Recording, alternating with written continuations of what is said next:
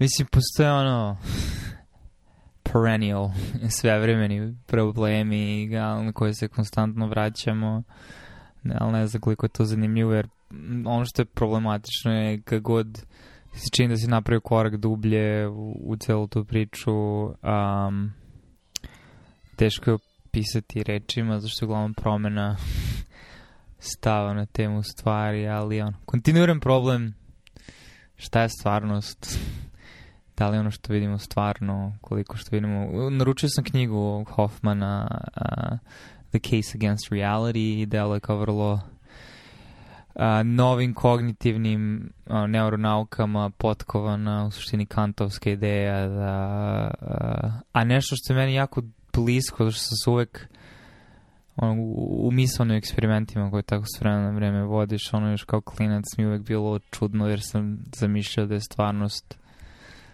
nešto što, on potpuni mrak van onoga što mi vidimo i mi uopšte ne spoznajemo stvarnost kako ona jeste već.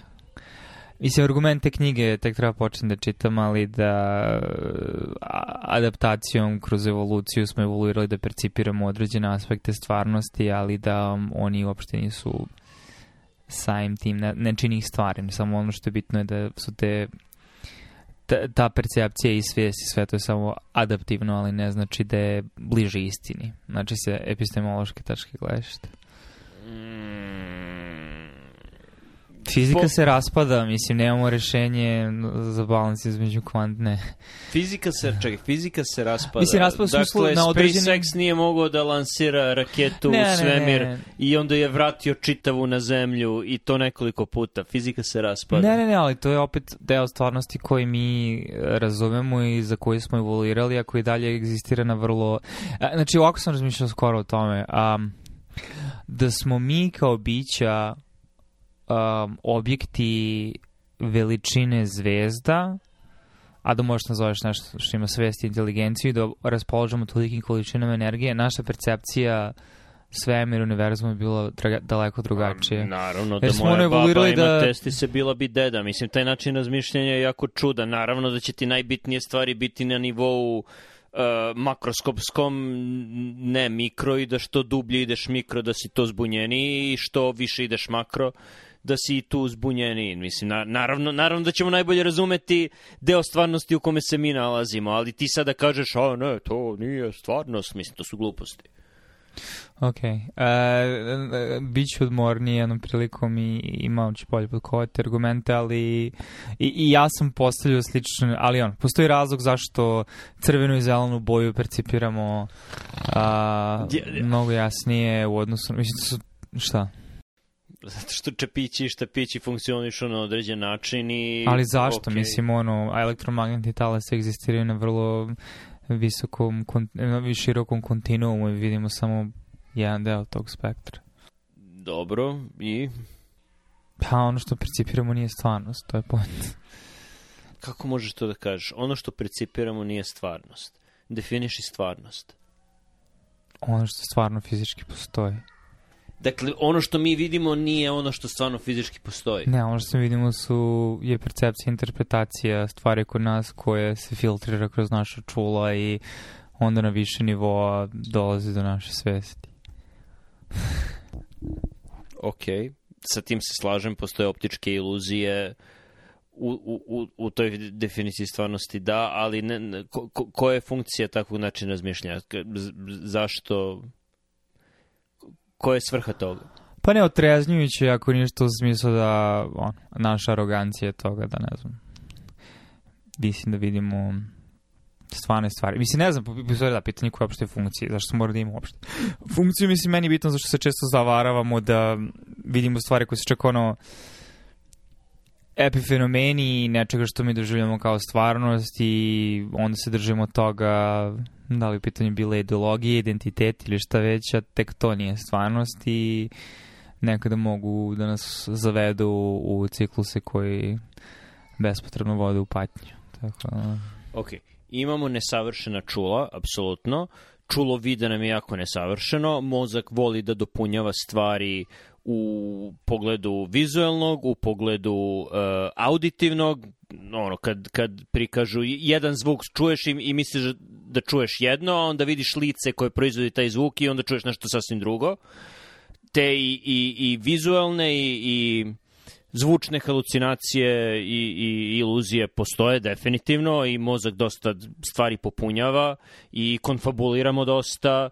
ja sam prvi koji ću da priznam da konfabuliram kada ne znam odgovor na neko pitanje, mozak brzo smisli nešto i onda mora da proverim čekaj da li ovo što sam rekao, vidi, srećom sad da imamo internet tako da mogu da proverim da nisam lupio nešto.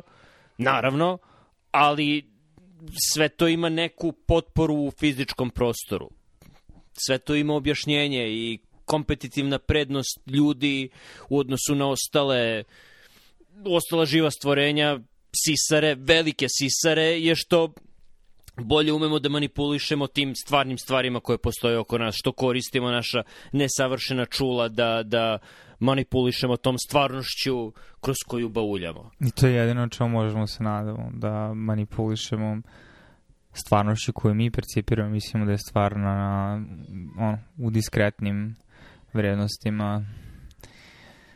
Mislim, znaš, ne možda, mi ne možemo da isprecipiramo šta se dešava ispod nivoa atoma i ko zna koliko potencijalno fraktalno... Ali ovo nije argument i ne želim da idem u tom smeru koliko ono anđelo može da stane na vrh jedne igle, nego jednostavno nešto što me uvek kopka, to je, mislim, neko što ti kažeš iluzije, to meni znači nije to kao ono izuzeta koji potvrđuje pravilo, nego stvari koje možemo da razumemo na koji način nam je iskrivljena i, i, modifikovana, to jest ono ne, ne da izbaždarena percepcija, možda bolji termin. Um, ali de facto svaka stvar. Znači ti kad uđeš u sobu, ti odmah razmišljaš o njoj kao trodimenzionalni prostor sa uspravnim zidovima i ravnim plafonima i ne možeš da se otmeš tom osjećaju. Mislim, um, način na koji mislim, ne znam, ti kad pričaš sa mnom, ti imaš model znači u glavi mini simulaciju mene i koji su, i sa svim sećanjima i idejama koji su svi moji stavi na određenu temu i sve što ja pričam ti interpretiraš kroz filter svega toga kao što ja mislim radim obrnuto ali da a, a ni ti ni ja ne znamo šta ja stvarno pričam ni ti ne znaš šta ti pričaš da ne, mislim, moj argument nije, ok, ajde da ono kao, nije nihilistički argument uopšte, nego samo to trenutno ovaj, um, trenutna faza, da tako kažem.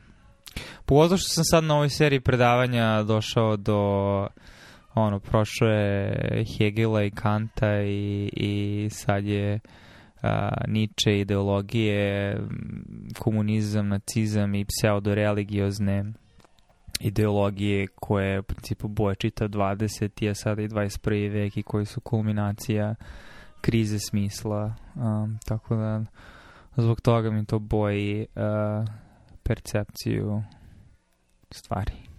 Možda ovo nije ni dobra tema, zašto je onako sve raščeropano, tako da hajde da suziti na nešto što je zanimljivo i konkretno, da, da ne bi ja previše intelektualno masturbirao bez mnogo potpore i uh, na što mogu da suzim, mislim, to, to, to što kažeš je tačno, ali možeš valjda da imaš dva odgovora na, na to.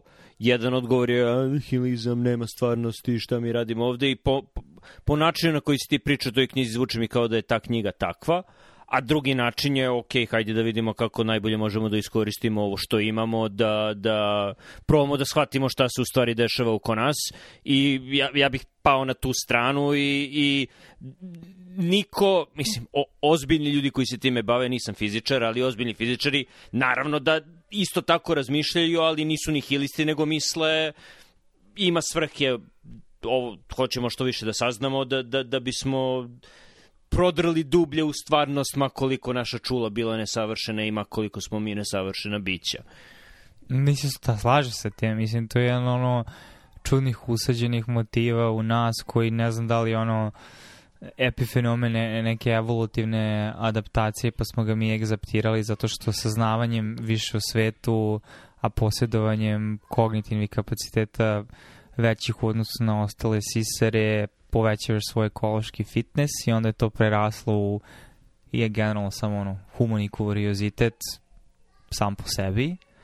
A, kao što ono, kad u konverzaciji diskutuješ o temama, mislim ono jedna teorija je kada juriš ono da definišeš nešto, da, da razjasniš nešto, to je bukvalno se služi on egzaptacija instinkta za lov ili pronalaženje stvari u prostoru i zato ono traženje ideja, tražiš rešenje, tražiš, znači jednostavno tragači i to, tako da mnoge stvari koji su, koji smo ono milionima godina evolucije naslagali jedne na druge rezultuju time, ali da, de facto smo čudna vrsta da smo uspeli da u velikoj meri prevaziđemo um, na čudan način, možda je to isto ono, jedan od razloga zašto je teško nositi s tim, da na neki način prevaziđemo ograničenosti naših ono mesnatih tela uh, jer smo sposobni da manipulišemo mnogo većim količinama energije i, i ono, da, da se krećemo u brzinama kojima nismo nikada evoluirali da se krećemo i tako dalje tako da nekada izbunjujuće a, što makro, što mikro kao što si rekao kad pokušaš da se orijentiš samo tome U krajnjoj liniji, da li je uopšte bitno kako i zašto smo došli do ovog nivoa svesti do koga smo došli?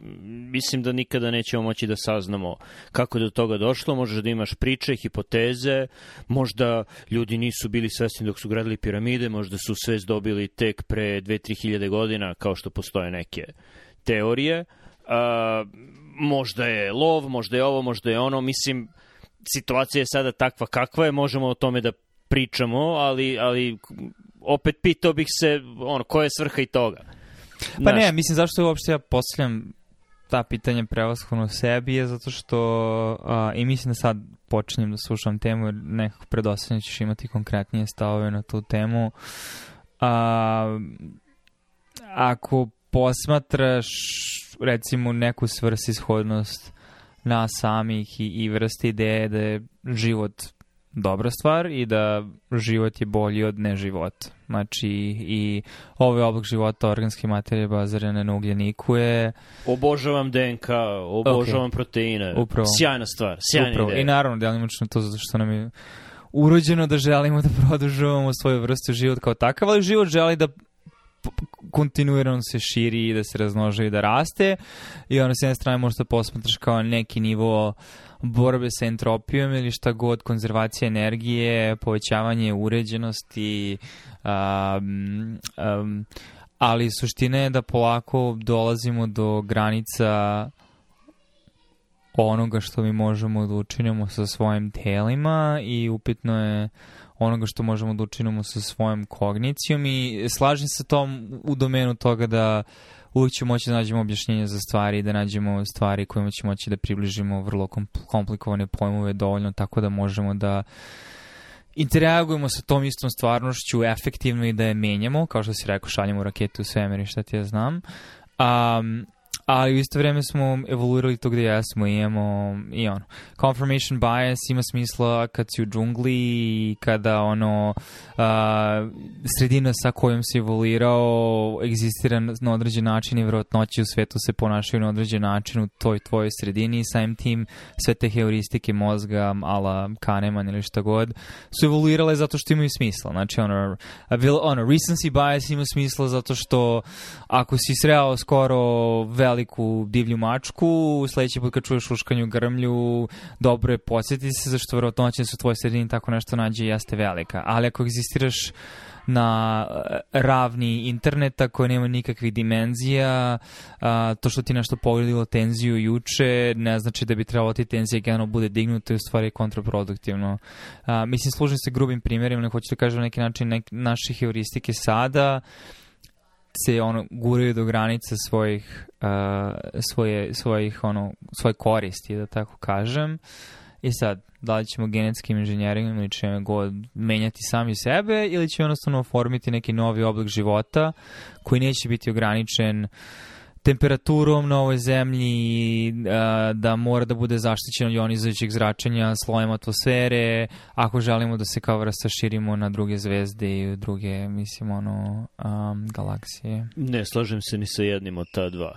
E, taj način razmišljenja bi rekao, ono, u 19. veku, pa dobro, imamo parne mašine, evo, počeli smo krajem 19. veka, evo, mi imamo struju, vidi, sijalice, šta, je, šta, šta još, mislim da smo, da smo dostigli vrhunac e, napretka i, i nema dalje od ovoga. Ne, ne, nije to moja teza. Moja teza nije, samo da ti ispravim da, da ne bi išli u smeru. Moja teza je, nije da smo dostigli vrhulac napretka, daleko od toga, ali da dostižemo granice naših tela. Da, mislim, ako želimo da imamo na Mars, Mars mora da bude terraformiran da bi mogli na njemu da živimo. Ili okay. mi moramo da dramatično... Kako to veze sa našim telima?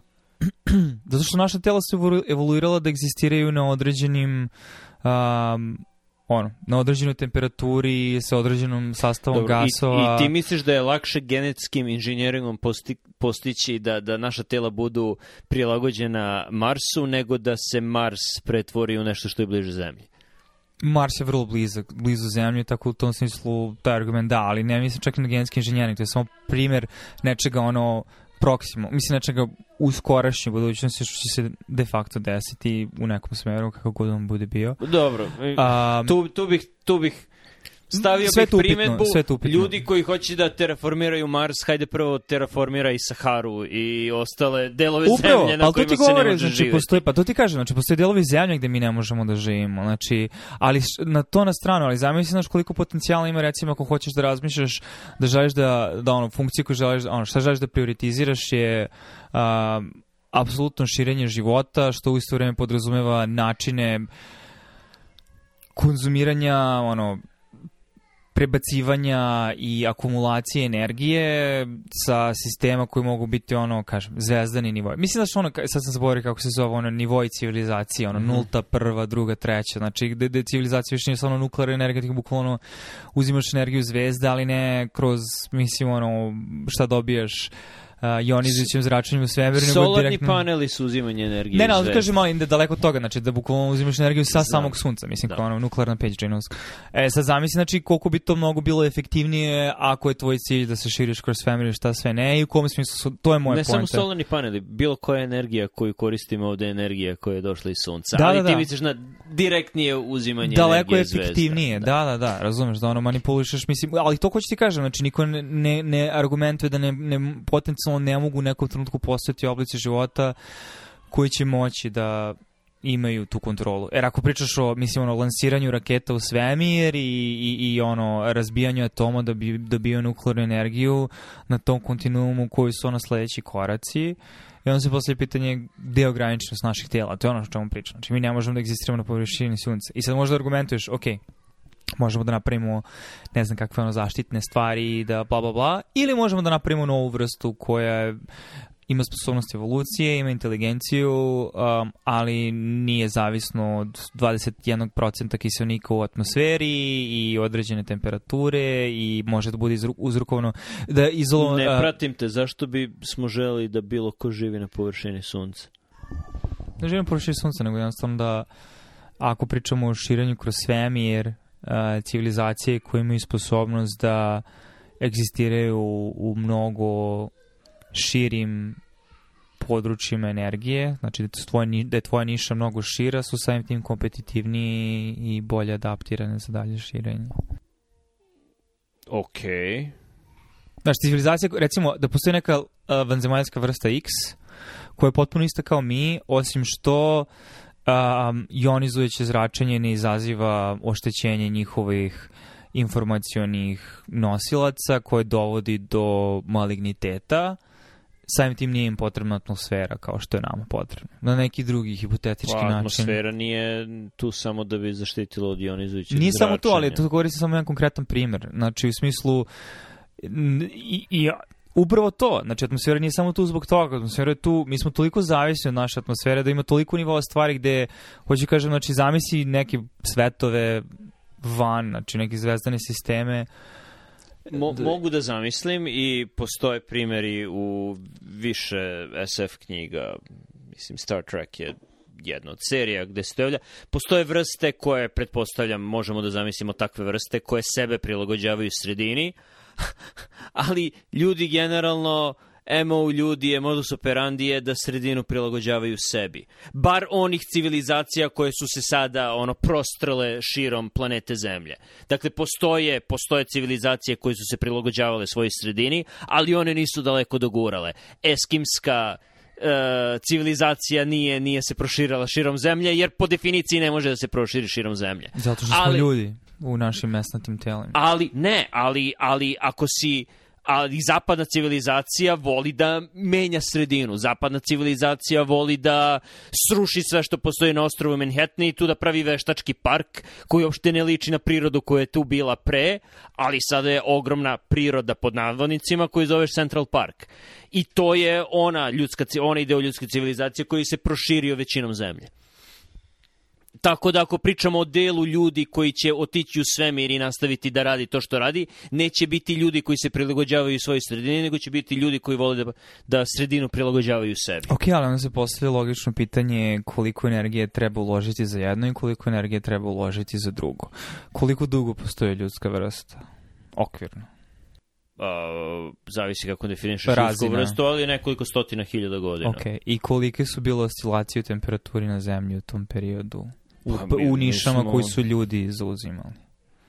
Plus minus Celzijus. Bilo je nekoliko ledenih doba i ali bilo ko je, je to, nekoliko... koje, koji to nivo Celzijusa? Mislim, ili Kelvina, šta god, ali mislim, samo kažem koji koje je opseg u kom smo egzistirali kao vrsta temperatura, eto jedan primjer temperatura gde koja globalna temperatura na zemlji u nekom trenutku ili... Opseg temperature na kojoj mi možemo da egzistiramo, u kojoj možemo da se razmnožavamo i dalje opstajemo sa svim stvarima kroz koje modifikujemo svoju sredinu i tako Dobro, od 30 ispod nule do 45 iznad nule. Okay. Kaže znači, 75 oko, Celsius. Znači oko 70-80 Celsius. Znači to znači da hipotetički bismo morali da u svetovima u kojima živimo ili da ti svetovi budu uh, bliski tim temperaturnim oscilacijama ili ako egzistiraju van njih da mi imamo dovoljno razvijenu tehnologiju da možemo da kreiramo u okviru tih svetova pod niše koje bi opet bile bliski toj oscilaciji temperature, jer van toga ne bismo mogli da živimo u tim svetovima. Ok,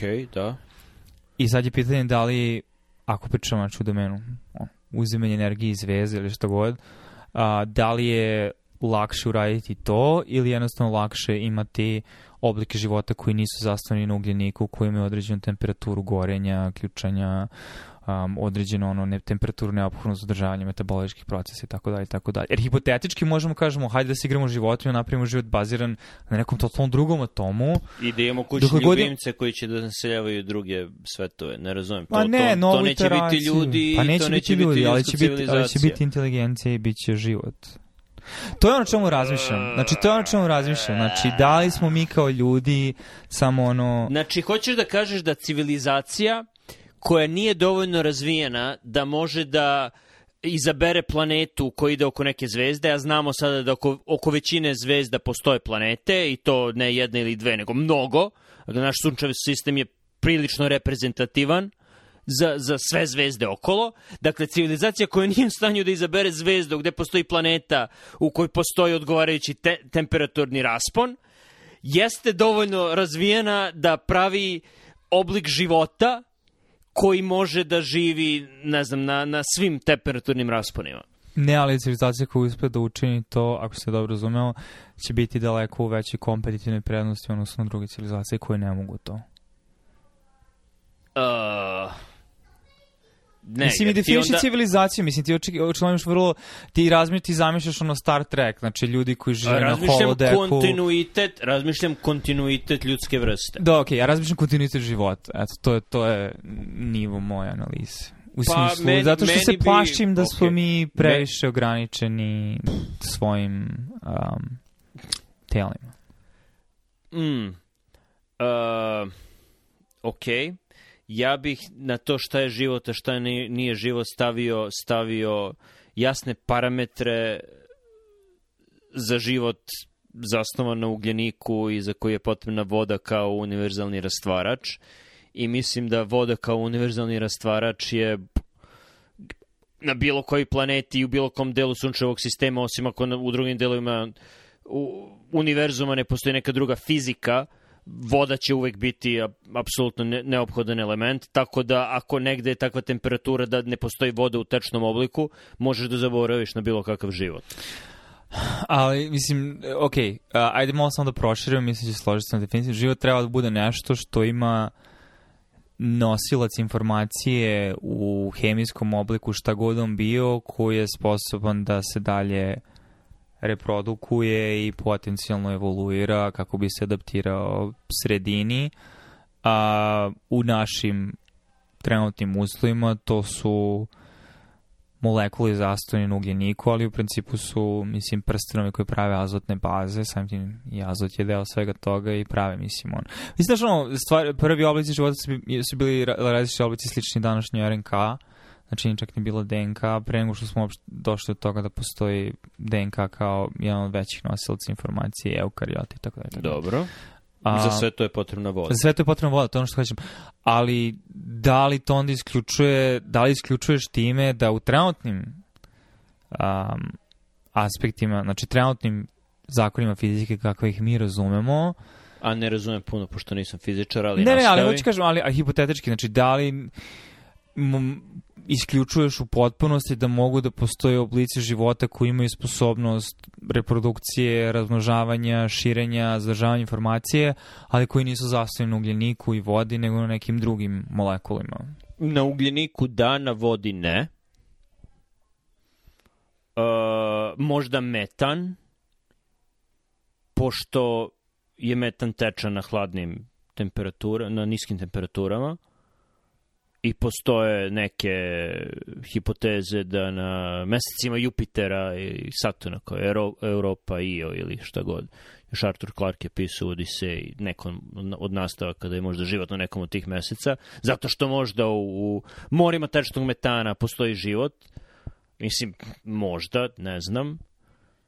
Tako da, da li mogu da kažem sasvim sigurno ne, ne mogu, ali opet ne vidim, ako, ako, ako ako imamo takav nivo tehnologije, da možemo takve stvari da pravimo i o takvim stvarima da razmišljamo, sasvim sigurno ćemo imati nivo tehnologije za terraformiranje i za prilagođavanje, e, prilagođavanje bilo koje sredine našim uslovima života. Okej. Okay. A šta, šta misliš o... Mislim, ne, ovo je, sve samo, znači, mislim, samo ideje, mislim, ovo su stvari kojima različno želim da čujem tvoje mišljenje. Ovaj, a da li misliš o scenariju hipotetičkom kojem je potencijalna kombinacija oba, znači da postoje neki oblici nečega što bi nazvao inteligencijom, nečega što mi interagujemo, nečega što može da manipuliše svojom sredinom, da je razume na neki način, a, neče, nešto što smo potencijalno mi stvorili, iteracije nečega što smo mi stvorili, sa čime mi sarađujemo i mi živimo u terraformisanju životinim oblicima u nekim planetoidima, na planetama, asteroidima, šta god,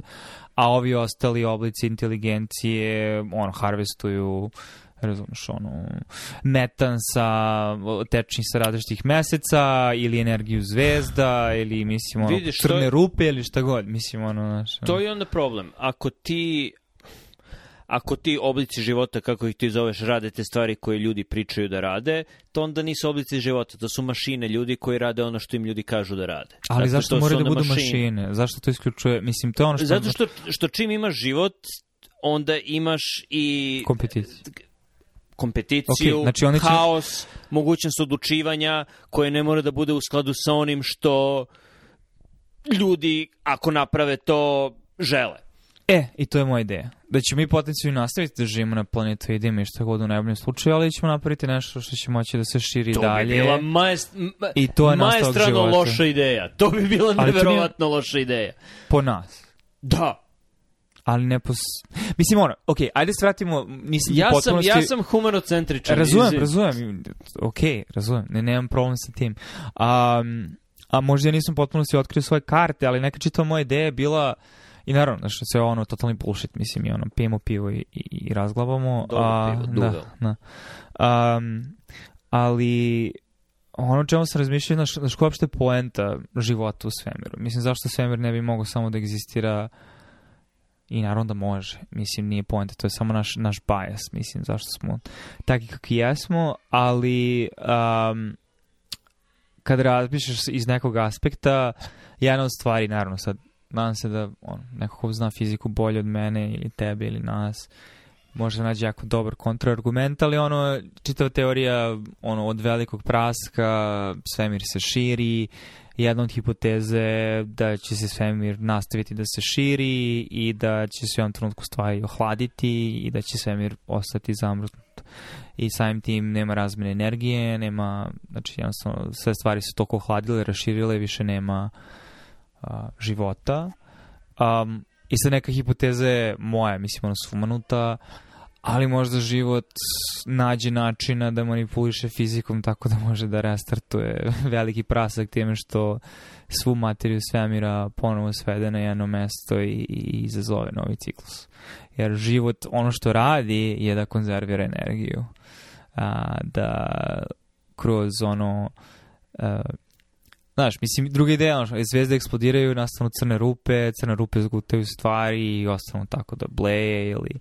I opet sve to, naravno, zavisno od naših trenutnih znanja o kosmologiji. Um, ali ideja da možda nađeš način da skupljaš energiju, da se više više približavaš jednom mestu kroz razumevanje, kroz šta god inteligencija je bila, šta god civilizacija je bila, to je ono što mi sad radimo. Mislim, mi konzerviramo energiju, pretvaramo energiju, znači stvari, nalazimo načine da um, izbjegnemo entropiju, mislim, znači da izbjegnemo potpuno raspadanje nas samih i um, u tom nekom smislu neka sumanita ideja da život kakav god daje ideje da se pro, proba da se vreči hladnu smrt svemira. Eto, to je, to je pozadinska hipoteza cijele ove konversacije. Ok, ili da razviješ instrumente dovoljno da potvrdiš da će doći do, da će doći do toga, a ne da su ups, pogrešni proračune u stvari Uh, vratit će se unazad, skupit će se, pa će se ponovo raširiti, pa će se skupiti, što, što je isto moguće a, to je pitanje instrumenta jednako koliko pitanje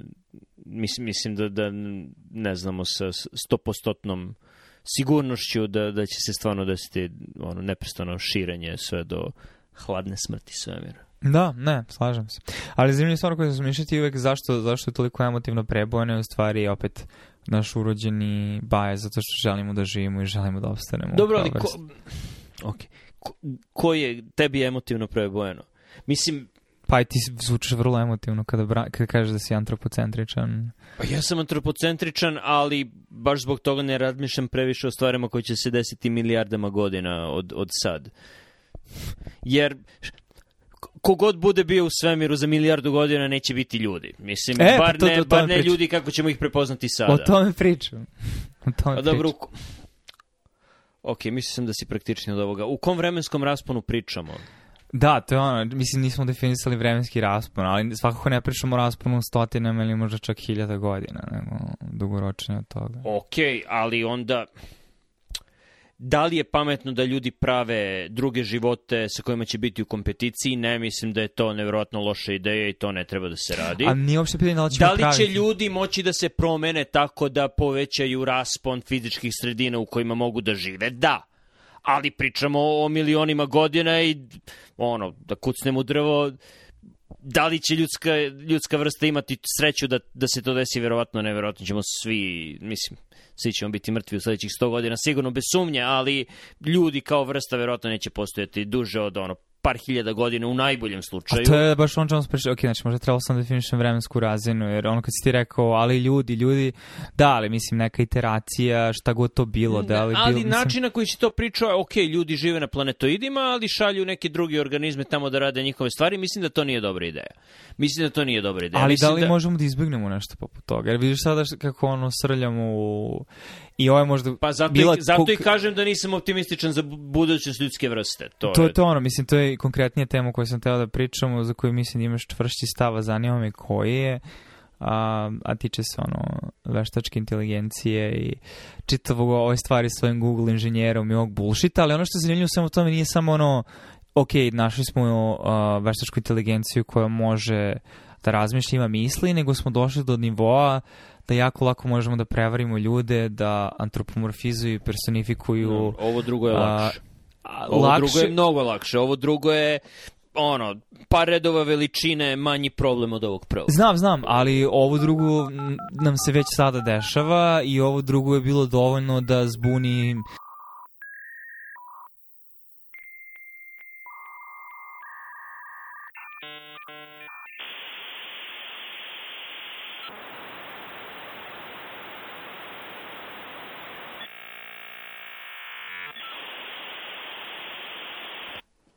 E, mislim, hoću kažem, e, da, kapacitet za destabilizaciju veći s obzirom da mnogo kompanija na mnogo nivoa da je ta tehnologija sve dostupnija, da ulazimo u fazu eksplozije um, programa, neuralnih mreža koje mogu dovoljno dobro da imitiraju ljudski govor, da se dovoljan broj ljudi može zbuniti time i samim tim napraviti glupe odluke ili doći do glupih ideja. Stvarno, mogu dovoljno dobro da imitiraju ljudski govor. Ok. Pa, nisam... kažem, da ulazim u tu fazu čime, zašto je ovo vest? Mislim, to, to ti je samo ono litmus test. Znaš, Do sad ni jednom nismo čuli da je inženjer neke kompanije koja se bavi veštačkom inteligencijom uskliknuo ovo je osoba i ok, možda kažeš ovo je totalni ono outlier, ova osoba... neurotipična osoba da. koja radi za Google je pomislila i, i e, vjerojatno nije uzela lekove ili neću dolazim da u to. Uh, da li je opasnost da ljudi koriste tu tehnologiju da naprave štetu drugim ljudima? Da. da. Da. Da li postoji opasnost da te stvari dostignu neki nivo svesti tako da one samostalno mogu da naprave štetu ljudima? Ne. I mislim da smo jako blizu ove prve varijante, možda smo već i tu, mislim pa da smo pričam, već tu. Da li smo već u tome već neko vreme, samo sada da ne znam zašto ko zna koliko komentara na internetu su botovi koji dovoljno dobro imitiraju. Mislim, čitava kombinacija koja je bila meni zanimljiva, koji izašli svega toga ono, kad ljudi krenuli da se zezaju na Twitteru, kao... Ovo izgleda kao većina komentara na Twitteru i na Redditu. Dakle, da ono, većina ljudi jesu NPC-evi ili u stvari koliko uopšte botova postoji i koliko mi A, ne, već ne, sad ono mm, personifikujemo mm, ne, ne, stvari. Ne, nisam, nismo se razumeli. E, nisam mislio, to, to, tu pričamo o samostalnosti, tu pričamo o nekome da neko samostalno pusti nekog bota i da ljudi nisu svesni da je to e, bot i da i ne samo to, nego da taj bot onda samostalno krene da radi nešto što neko koga je pustio u rad nije planirao. Uh, mislim da, da je veća opasnost da ljudi koriste ono deep fake pod navodnicima. O tome, ne, ne, stvari. o tome ja pričam. Kad se gleda ovo Johnny Depp, Amber Heard, čitava ova epopeja što je bila nebitna, ne možda otičemo toga, ali komentari na YouTube-u koji sam ja čitao tada, koji su bili, su mi delovali previše glupo i generički, da sam bio fazonu da li ljudi stvarno ovako misle ili ovo PR tim platio da, da. neku manju privatnu kompaniju iz zemlje koja nije Amerika da potpomogne algoritme kako bi ovo imalo prominenciju tako da imamo gomilu nalik ljudskih komentara, svi su manje više na istu temu Da, da, da, podrška. to je, tu, tu smo, da, ali zar, zar je to pitanje da, da li smo na tom nivou? Pa, Mislim, da, da, sasvim da. sigurno smo na tom nivou. To, pa, nije, to uopšte nije pitanje. Mislim, možeš da napraviš video snimak za većinu stvari koju, koju želiš i većina ljudi na internetu koji razmenjuju zrnaste fotografije i video snimke neće prepoznati da, da je u pitanju neka montaža ili nešto greška, veštački. Sintaktička greška, da. sintaktička greška. Tako da, sasvim sigurno smo tu ali to nije, ali to nije opasnost veštačke inteligencije, to je ljudska inteligencija ne, koja pravi pakost drugim ljudima. Ne pričamo, na ne pričamo o veštačkoj inteligenciji, pričamo... Ok, ne, sasvim sigurno smo tu, to, to nema dileme. Mislim, ne treba da veruješ ne, prva, prva reakcija na nešto što vidiš na internetu je ovo se neko zeza, ovo, ovo nije tačno, ovo je neki bit šala. A to ću kažem, ako tako nešto poput toga može da ne toliko disrupciju nešto poput covid što je mortalitet koji ima, može da donese toliko disrupciju.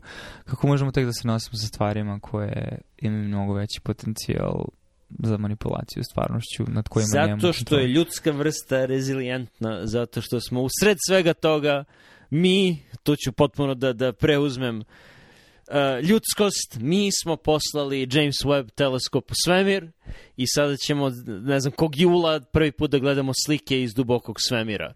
Tako da, da smo generalno, generalno možemo da se prilagodimo okay. svakim, svakakvim glupostima. Okay. Ali onda moram da prihvatimo jednu tezu koju postajem sve svesniji, a to je da ćemo, ako je to tačno, i nadam se da jeste, ali to je po ceni toga da ćemo proći kroz još mnogo ciklusa, da će 90-95% ljudske populacije da u ciklusima nestane. Zašto to misliš? Zato što sam se to dešavalo kroz istoriju. Mislim, ono, genetički mm, driftovi, 95%. migracije, a, mislim, crna kuga, šta god, ono, ali dolazit ćemo u situacije a, na ovaj... Mislim da je za biološku vrstu dobro ako se dese takvi ciklusi da civilizacije padaju, bude onaj us, usko grlo neko kroz koje ljudi prežive i onda ponovo otkri, otkrivaju stvari koje su se desile hiljadama godina ranije, to je super, nadam se da će se to desiti, da. Jer je alternativa da će svi nestati u istom trenutku i doviđenja. Mm, samo da ne izgori YouTube biblioteka poput Aleksandrije. Da bi ljudi znali kako da zamene kolo u svojoj Honda Odyssey. To jest stolicu. O, o tome smo pričali, da, stolicu. I, i Nedugo nakon toga, mora da naglasim, nakon toga je YouTube počeo kampanju gde vidim tweetove promovisane, gde uh, neko nije znao kako da spremi kolač i zahvaljujući YouTube tutorialima sada ima svoju pekaru gde pravi kolače drugim ne, ljudima. Ne, ja sam long na YouTube, ok, sad ulazimo drugu temu, možda možemo da prekinemo, ali ja sam long na YouTube godinama već, zato što uh, je to jedna od onih stvari koje samo kompanija poput Google-a koja je spremna da gubi pare godinama pre nego što provali opšte kako nešto funkcioniše, jer mislim da YouTube u nekim svojim aspektima doživljava renesansu, jer imaš ljude poput Kenđija, uz kog možda naučiš da kuvaš jako dobro uh, i imaš gomilu drugih kanala gde jednostavno možeš da stekneš veštine, znači podeliš to neko, ja kažem, perspektivalno participatorno znanje, um, a da to ne bude obojeno um, maksimalno influencerski monetizovanim, kažem, ima dosta aspekta YouTube-a koji jesu poput toga, ali to nisu oni autentični, to nije nešto ono što pravi. A ono što YouTube uspeva je da kroz svaki ciklus ipak isplivaju stvari koje na kraju imaju vrednost um, i na, nekako te algoritam ishopa te stvari da one dođu do tebe pored ono milijarde i ko zna koliko drugih klipova i kanala i da kontinuirano je repozitorijum on, ne, neko, neke ljudske aktivnosti koja kontinuirano može da ima vrednost i od koje svi možemo da se okoristimo u budućnosti. Um, čak što se tiče muzičke industrije, ono, znači, kad razmišljaš ono, da li ćeš, gde ćeš da nađeš neku pesmu koju si čuo pre 15 godina, onako nasumično, gde ćeš da, da tražiš tu pesmu? Znaš, ono, najviše pesama sa područja Safarija ćeš naći na YouTube-u. Pogotovo što YouTube u velikoj meri zavisi od entuzijazma ljudi da stavljaju stvari na njega, tako da čitav serijal Kassandre ti možda nađeš sa srpskim titlovima na YouTube. Okej. Okay. Ali nisam, Kassandra nije primjer onoga što bi ti možda želao da gledaš, ali primjer gde neko sa entuzijazmom može da sačuva nešto, da to može da ima vrednost ono, decenijama kasnije. Ne, apsolutno, slažem se. Uh, e, volao bih da je više stvari sa, ono, iz srpske kulture, tradicije na YouTube-u. Mislim, RTS ima YouTube kanale, ali većina stvari je na nekom njihovom appu i na sajtu koji nije u, u da li u YouTube? Mislim da nije deo YouTube-a. Gomila stvari iz arhive i RTS-a je dostupna, ali ne na YouTube. u Ali imaš gomilu naših srpskih filmova, jugoslovenskih filmova koji su na YouTube-u u celosti. Nije full HD, ali on. I sve to, sve to zavisi od ono copyrighta i koliko neko šalje da se cima oko toga.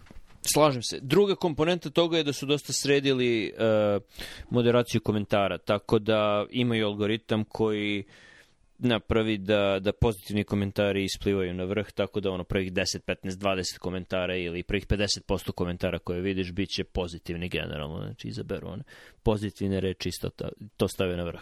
Što je dobro, to, to podržavam.